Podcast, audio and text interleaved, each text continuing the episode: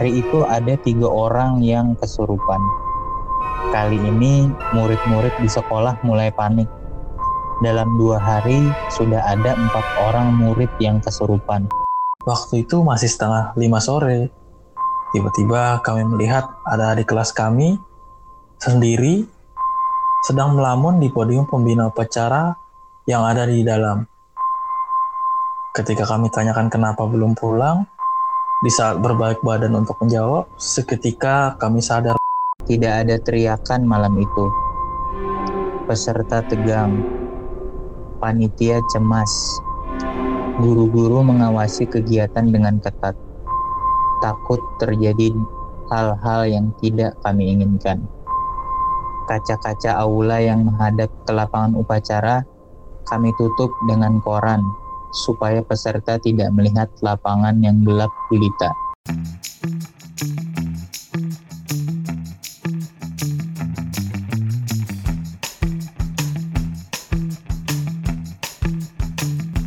Selamat datang di Alegori episode ke-10 dengan Auk Ariel.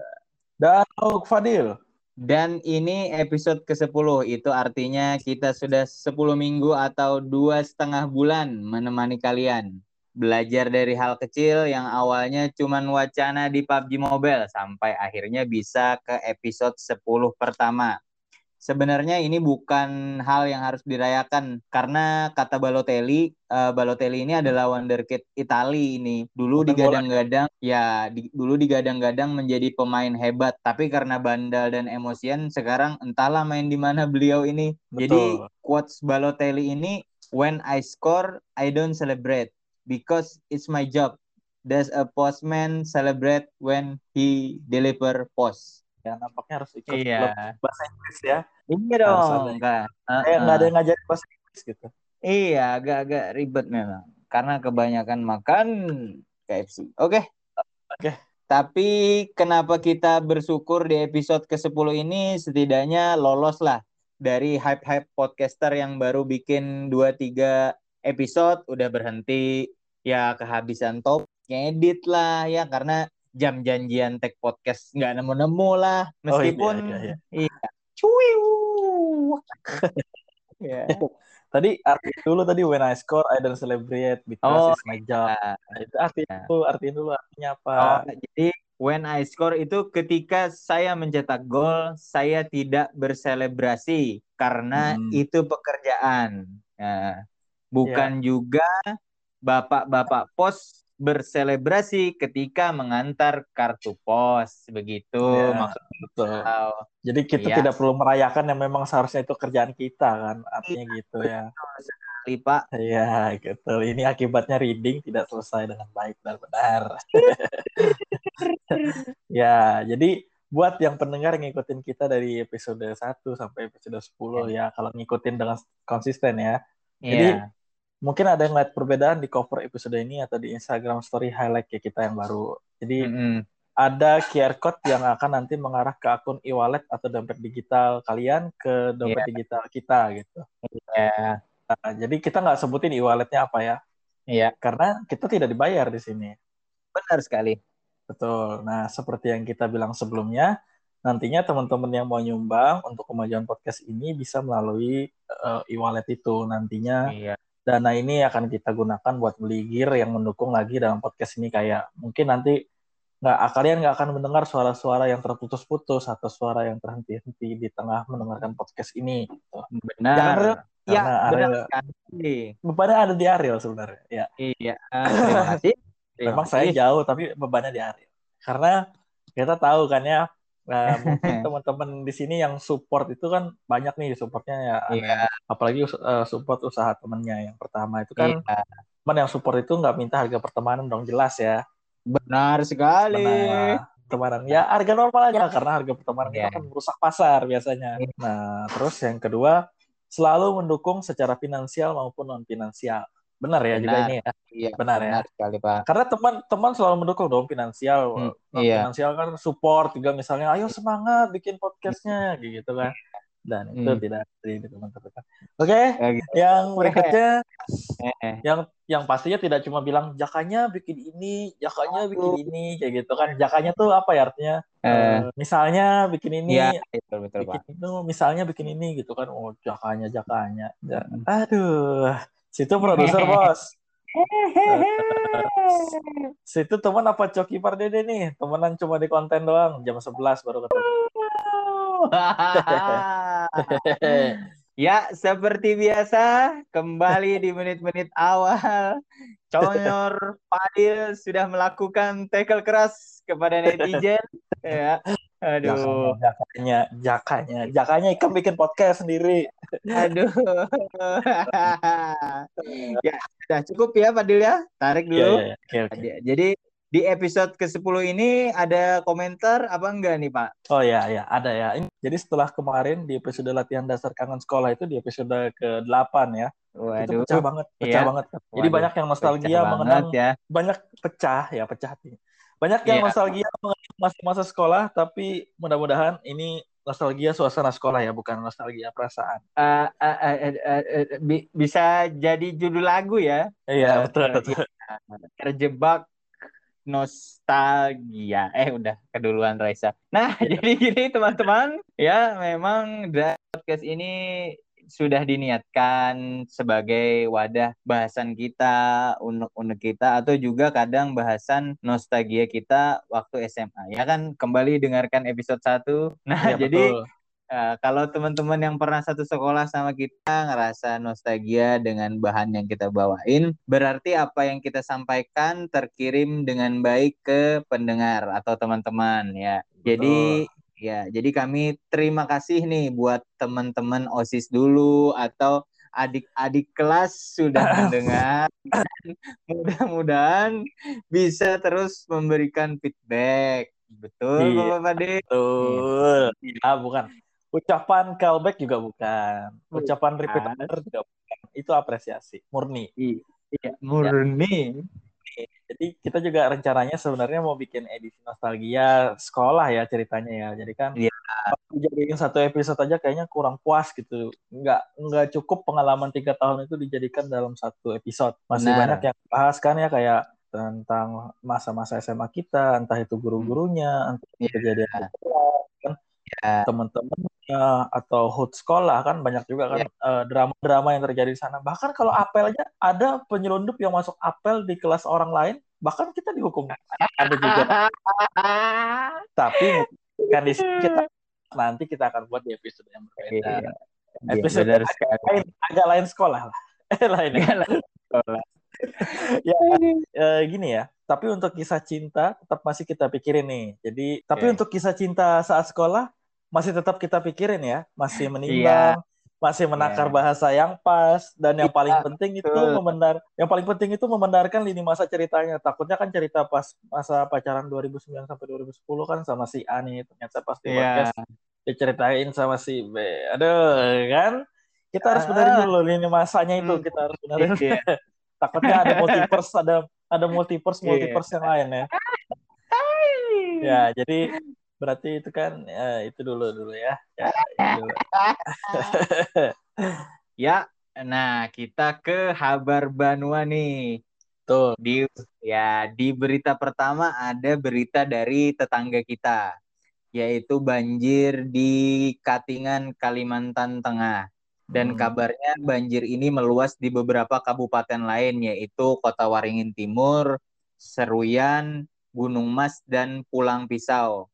Dan mengakibatkan jalan Trans Kalimantan terputus, sehingga pasokan logistik ke beberapa daerah terhambat. Ya, kami turut berduka cita. Semoga banjir dapat segera surut dan teman-teman di Kalimantan Tengah dapat beraktivitas normal seperti biasa. Ya, dan perlu diperjelas ini, diperje- Ya. perlu diperjelas di banjir ini diakibatkan karena cuaca buruk selama seminggu dan Hmm. tidak mereda sehingga menyebabkan banjir setinggi 61 60 cm atau setinggi tis ya. Jadi Ya, betul. tuduhan-tuduhan aktivis lingkungan itu tidak benar ya. Katanya kan penyebab banjir ini kurangnya daerah resapan karena daerah penyangga hujannya itu sudah berubah jadi hutan sawit ya. Tapi kita Iya. perlu perjelas nih ya teman-teman aktivis ya. Itu kan hutan dibabat tuh. Iya. Kan hutan di- Terus kan itu dijadikan hutan lagi ya, hutan sawit. Ya, fair dong ya. Ini berarti nggak salah kan? Iya. Tetap Mm-mm. mata dilawan dengan mata, hutan dengan hutan Mm-mm. juga dong ya. Iya. Benar dong ya. Wah, Iya benar. kan tidak ada kerusak, tidak ada kerusakan hutan alam seharusnya kan. Iya, benar. Benar. Mungkin aktivis Oh. yang salah di sini kan, bukan Iya. Ya. Salah Dan baca. salah baca ya. Dan ha- dan hal ini diperkuat dari Gubernur Kalimantan Tengah, katanya Bapak Sugianto Sabran, saya juga baru tahu namanya. Iya, iya. Mengatakan Ini- bahwa curah apa? Kalau nggak salah beliau ini sua- mantan suami yang itu ya, bukan ya? Kurang tahu deh, kayaknya lupa. Kayaknya udah ganti deh yang ini. Kayaknya Ya, itu baru ya. ganti deh. ini. Nggak, Nah, lanjut aja.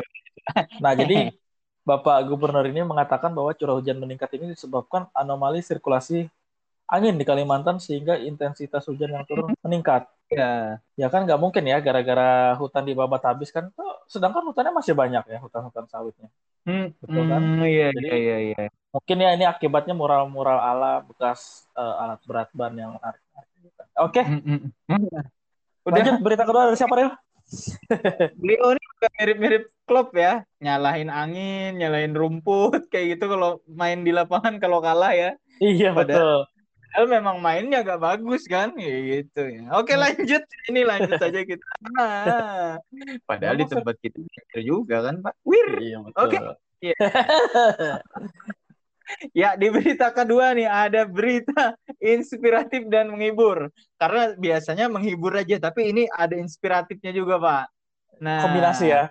kombinasi. Jadi ini dari Hulu Sungai Utara atau i- eh, daerahnya Amuntai. Ini daerahnya Bapak Chris John ya.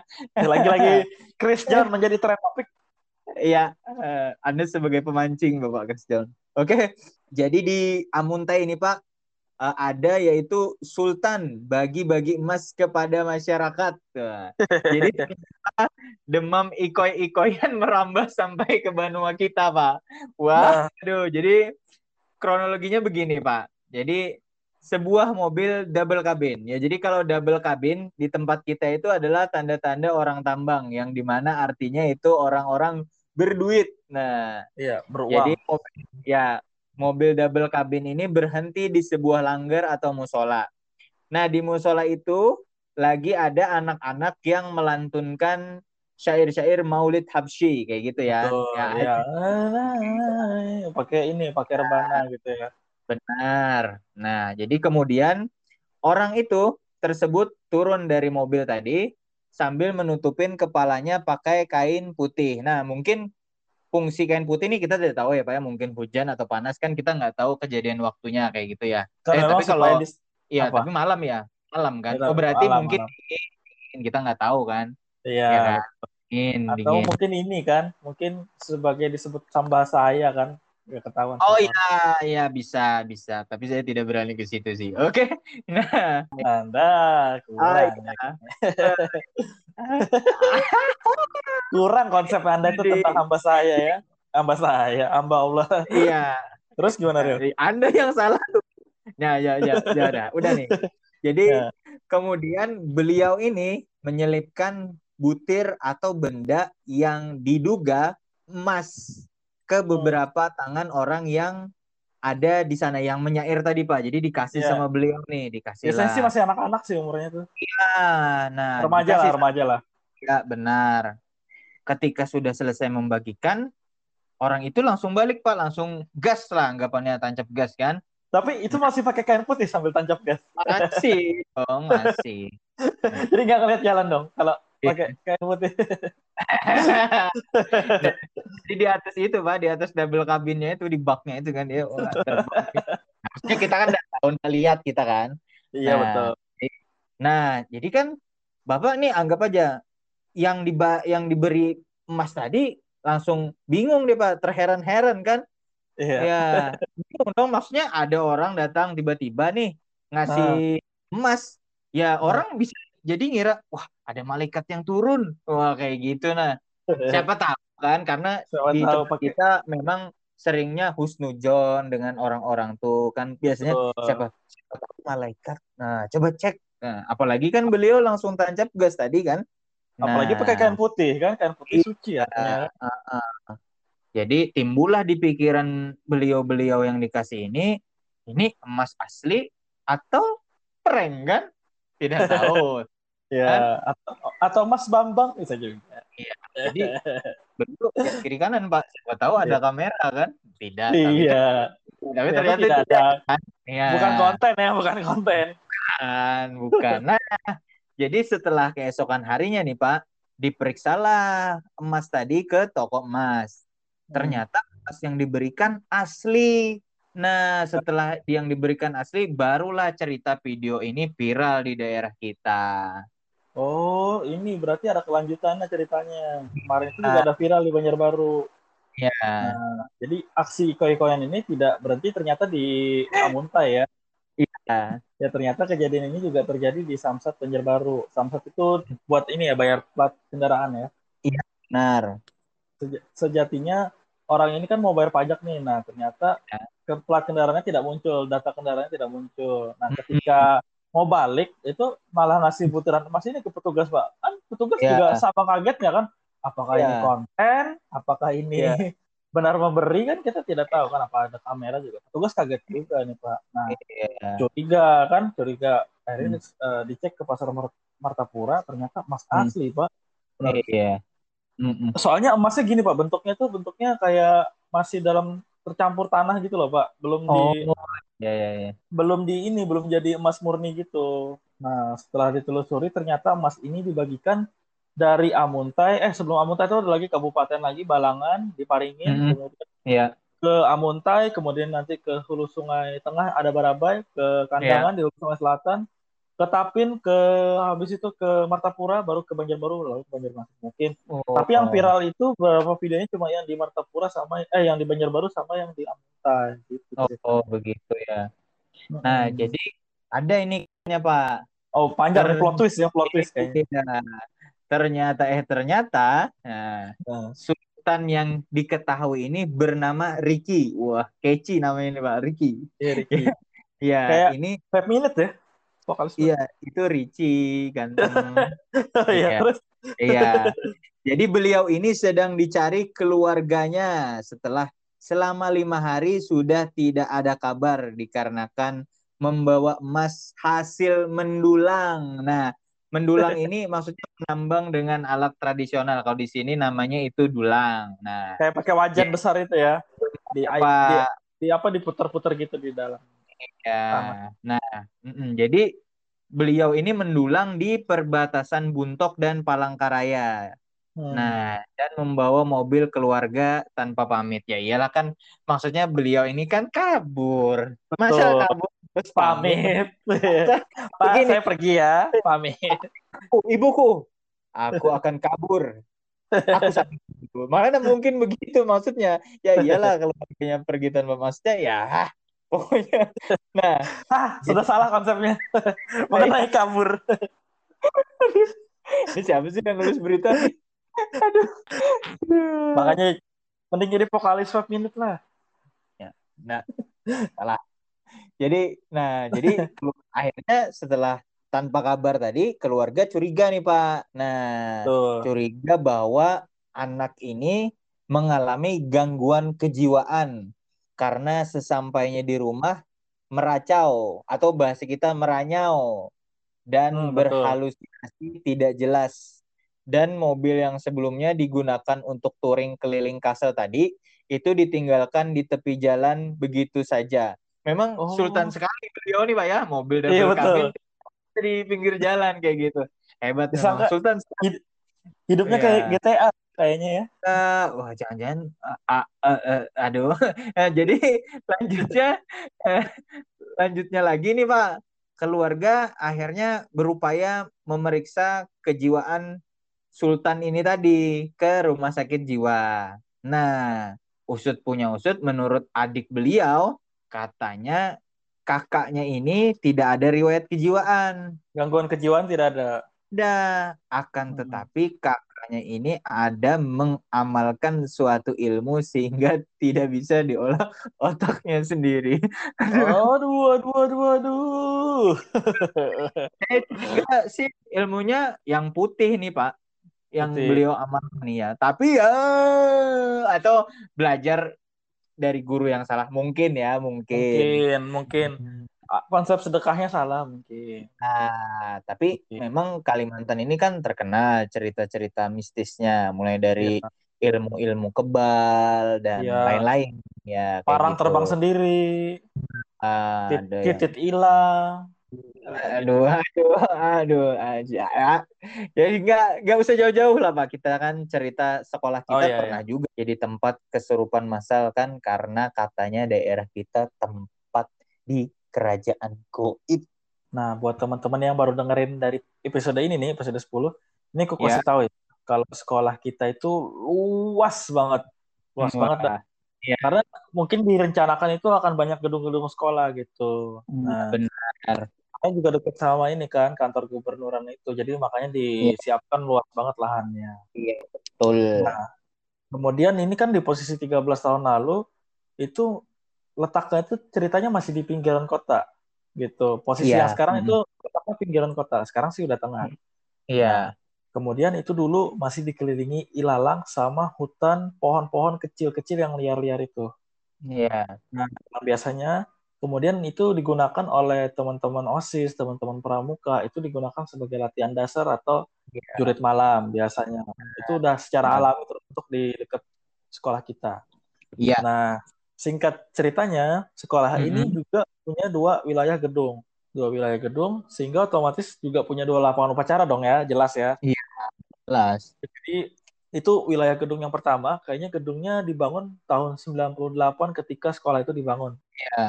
Tahun 1950-an atau 60-an nggak Oh. juga. Ini tahun 90-an atau baru-baru aja lah. Iya. Nah, jadi ruang kelasnya itu satu lantai, tapi dia bentuknya melingkar. Ruang kelasnya melingkar lah, mengelilingi, membentuk Iya. huruf O. Kalau dilihat dari atas eh, pakai drone itu kayak huruf O gitu lah. Ya. Di tengah-tengah kelas ini Benar. itu ada lapangan kecil. Nah, nah di tengah-tengah ini ada lapangan kecil biasanya dipakai buat anak-anak paskib buat naikin bendera di pagi sama sore hari. Iya. Nah, terus bisa juga dipakai sebagai wilayah kemah ketika persami. Iya. Karena dari tempatnya itu kan dikelilingi sama kelas tadi kan. Jadi orang luar Iya. Yang di luar itu tidak bisa ngelihat aktivitas yang ada di dalam gitu kan. Iya. Apalagi tempatnya Jadi- di kan Ya, jadi safety Pak ya. Lebih Iya. aman lah kalau kita punya kegiatan berkemah gitu ya. Ya. diikutin sama orang luar kan. Apalagi kita berada di Iya. pinggiran kan. Takutnya Iya, ada yang betul. masuk ke dalam kan tiba-tiba loncat pagar gitu kan. Nah kalau di Iya. dalam itu lebih aman. Nah kalau di Iya. lapangan kecil.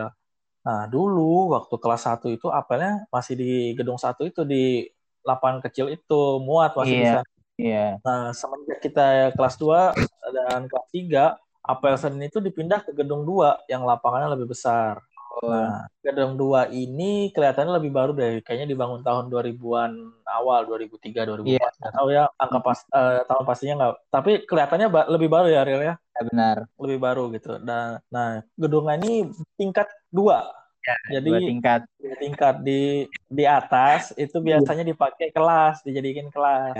Jadi ada Di 6 bawah. sampai 6 sampai 7 kelas di bawah. Iya. Dipakai buat aula, Iya. perpustakaan, Iya. eh, operasi sama juga ada gudang satu dan juga dua toilet yang berada di ujung kiri dan ujung kanan gedung lah. Iya. Ya, jadi bisa teman-teman bayangin ya gimana gedung yang baru. Iya. Nah, terus ada juga lapangan apel yang kita pakai eh, mungkin sampai saat ini itu di- berada di belakang gedung yang baru ini. Ah. Nah, tapi karena tadi kita kasih tahu lapangannya itu luas banget, sekolahnya itu luas Benar. banget. Lapangan itu nggak di paving block, tapi masih pakai lapangan rumput alami gitu. Belum Iya. pakai standar FIFA lah. Belum, belum. AFC aja belum, Pak itu. Tapi ukurannya itu udah satu setengah kali lapangan GBK lah. Besar itu besar banget sumpah. Besar, benar. Terus di, di- tadi kan kondisinya ada WC tuh, WC-nya tuh Iya. nggak pernah dipakai. Iya. Entah ya airnya tuh mati ya, ya. Padahal bagus kondisi WC-nya ya. Kata siapa? Ya, ya maksudnya oh, WC-nya tuh itu gitu. Iya, Bagus kalau gitu. Ya, sejak kapan WC bagus di mana-mana WC mah ya WC tidak ada kata-kata WC bagus. Enggak maksudnya daripada WC yang ini, WC yang di gedung satunya. Benar benar. Oh iya. Oh Ya kan? iya benar. Iya, ya.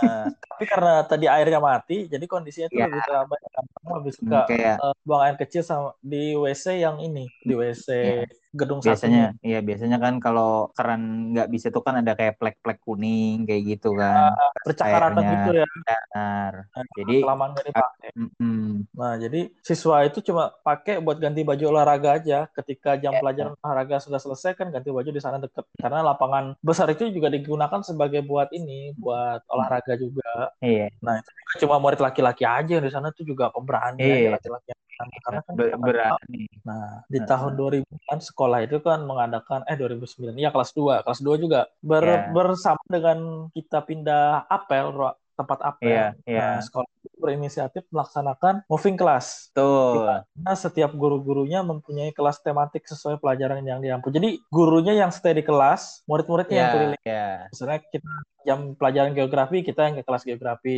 Gitu. Ketika ada jam pelajaran kimia, kita Iya. ke kelas kimia. Jadi kayak mirip-mirip di Harry Potter tuh Hogwarts lah ceritanya. iya iya, betul pak betul Ini kok nggak seru ya kalau kita ngomongin horor kayak nggak ada backsound horornya. Coba Hmm. Real pakai backsound horor lah biar lebih menjiwai kita. Oke, baiklah Pak. Sebenarnya awal cerita dan penyebabnya dari mana sampai kesurupan masal ini terjadi, ini masih simpang siur. Ada berbagai versi mengenai awal mula cerita ini. Ada yang bilang dari murid-murid yang buang air kecil di pohon ketapang depan perpustakaan, kemudian penghuni sekolah tersinggung. Ada yang bilang awalnya dari murid-murid yang buang air kecil di toilet yang udah lama nggak dipakai. Ada yang bilang dari pembangunan gedung baru sekolah yang ternyata kediaman penghuni sekolah. Ada yang bilang kejadian ini dari kegiatan LDKS atau pramuka yang yurit malamnya nggak izin sama penunggu setempat. Ada yang bilang dari guru yang baru diangkat jadi kepala perpus, kemudian memasang plang di samping perpus, yang mana itu ruang kosong di bawah tangga yang dimanfaatin jadi gudang. Ada yang bilang juga sekolah kita adalah tempat kerajaan goib, macem-macem lah. Peristiwa ini berawal dari satu adik kelas kami yang tiba-tiba histeris di kelas kesenian. Awalnya kami pikir ini histeris karena tekanan belajar. Tapi setelah ditenangkan oleh beberapa murid terdengar teriakan histerisnya berbeda karena stres. Tiba-tiba siswi tersebut tertawa kecil kemudian berteriak, "Kalian semua mengganggu! Pergi dari sini!" Kaget mendengar teriakan itu, guru dan siswa siswa tersebut berusaha memisahkan siswi tersebut dengan membawa ke tempat guru piket dan ditenangkan oleh guru agama yang lebih mengerti mengenai kondisi terus kondisinya. Desas-desus bahwa ada murid yang keserupan terdengar ke seluruh sekolah. Tidak biasanya kejadian seperti ini di sekolah yang kami rasa aman-aman saja, jauh dari desas-desus gangguan mistis, meskipun berada di pinggiran kota dan jauh dari pemukiman warga. Keesokan harinya, waktu itu sudah lewat jam istirahat kedua. Tiba-tiba kembali ada siswi yang histeris. Kali ini di ruang geografi dengan murid yang berbeda. Siswi ini meneriakkan hal serupa yang diteriakkan oleh siswi kemarin. Hal ini membuat tegang seisi sekolah. Saat berusaha menenangkan, terdengar di kelas lain ada siswi lain yang histeris. Kali ini dari ruang aula dan juga di ruang fisika. Hari itu ada tiga orang yang kesurupan. Kali ini murid-murid di sekolah mulai panik. Dalam dua hari sudah ada empat orang murid yang kesurupan. Keesokan harinya begitu juga. Dengan siswa yang lebih banyak, situasi mencekam meskipun masih siang. Ada yang di UKS, ada yang di musola, ada yang di kelas, ada yang di ruang piket. Teriakan mengamuk siswi perempuan yang menjadi-jadi berusaha ditenangkan oleh sebagian murid laki-laki. Bahkan yang paling diingat ada siswi yang ketika ditenangkan ayat suci Al-Quran menjawab, Diam! Aku lebih tahu ayat ini daripada kamu. Dan itu dengan suara yang berat seperti lelaki. Kami yang mendengar tercekat, kaget, merinding. Kejadian itu berlangsung selama seminggu. Ada suatu ketika, hari itu hari Sabtu. Waktu itu kegiatan pramuka sudah selesai dilaksanakan. Kami, kakak pembina pramuka, belum pulang untuk membereskan peralatan yang digunakan. Waktu itu masih setengah lima sore. Tiba-tiba kami melihat ada di kelas kami sendiri sedang melamun di podium pembina upacara yang ada di dalam.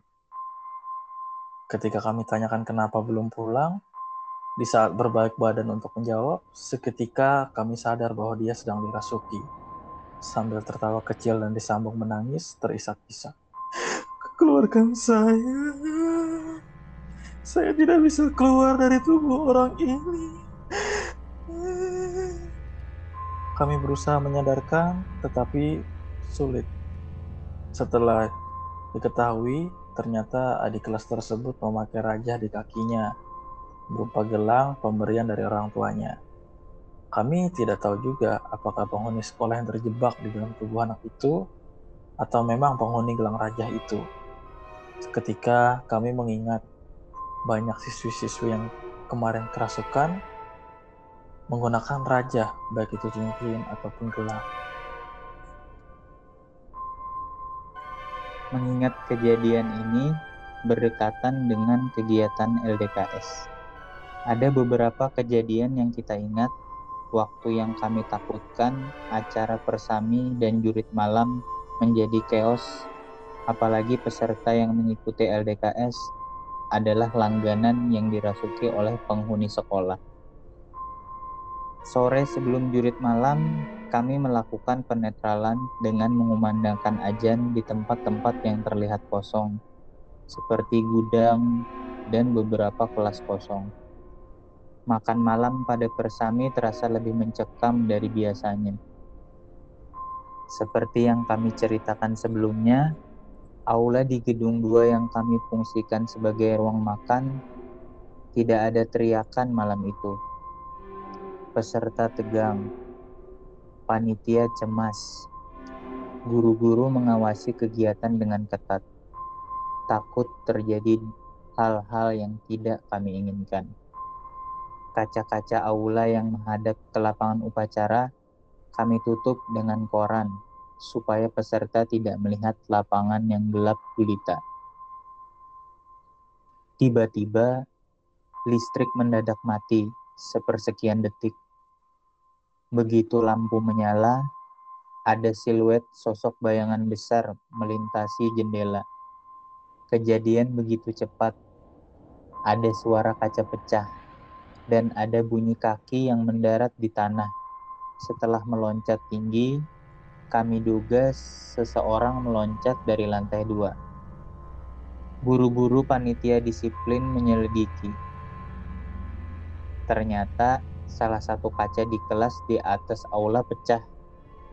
Anehnya, pecah kacanya keluar, seolah-olah pelaku yang memecahkan dari dalam kelas. Sedangkan pintu kelas malam itu semuanya dikunci. Kami semua terdiam. Malam itu, jurit malam batal diadakan. Cerita ini berlanjut beberapa minggu setelahnya. Setelah beberapa minggu dari LDKS, kerasukan masal ini masih terus berlanjut, malah bertambah parah. Kali ini persami yang dilaksanakan oleh Ekskul Pramuka. Kegiatan ini diadakan karena banyaknya teman-teman seangkatan kami tidak menyelesaikan kegiatan Ekskul Pramuka di kelas 1 atau 2. Kami internal panitia memutuskan untuk menyelesaikan jurit dengan cepat. Apalagi pesertanya teman-teman seangkatan kami. Tidak perlulah rasa kami. Singkat cerita, jam 1 pagi kegiatan jurit malam sudah selesai. Namun, sepertinya guru-guru merasa kurang puas, apalagi di antara banyak peserta, banyak anak-anak spesial dalam tanda kutip yang diingat guru-guru secara negatif. Guru-guru berinisiatif melaksanakan jurit malam ulang. Kali ini cuma di kelas gedung 2. Peraturannya, peserta hanya diminta mencari kacu di antara lorong-lorong kelas dan kemudian mengembalikannya ke panitia. Dan itu dilakukan sendiri-sendiri oleh peserta, menyusuri kelas-kelas yang kosong. Kami merasakan perasaan yang tidak enak Benar saja, baru dua peserta, ada peserta laki-laki yang terlihat takut dan pucat. Setelah ditanya, dia melihat ada sosok perempuan di ujung kelas. Ada juga yang melihat sesosok pocong di kelas lainnya. Saking takutnya, ada yang meloncati lima anak tangga sekaligus. Memang sebenarnya kami menaruh relawan yang menyerupai hantu, tapi tidak di kelas yang kami maksud oleh para peserta. Serang. Nah, selesai kegiatan tersebut. Kerasukan massal ini mereda, tapi masih terjadi satu dua orang. Nah, sampai kami lulus pun kami masih mendengar ada beberapa murid yang kesurupan padahal siang hari dan kondisi ramai. Ya, gimana ya? Uh, Auk nih percaya hal mistis seperti hmm. makhluk halus atau jin itu ada. Betul. Kan ada sebelum kita diciptakan. hmm. Ada juga yang usil. Biasanya dari golongan jin. Betul. Dan ya, dapat menyerupai makhluk-makhluk yang kita takuti dan bayangkan sebelumnya. Nah, kalau aku sih percaya bahwa masih ada yang belum kita ketahui soal hal gaib. Ada hal-hal yang di luar nalar yang nggak bisa dijelaskan sama logika kita.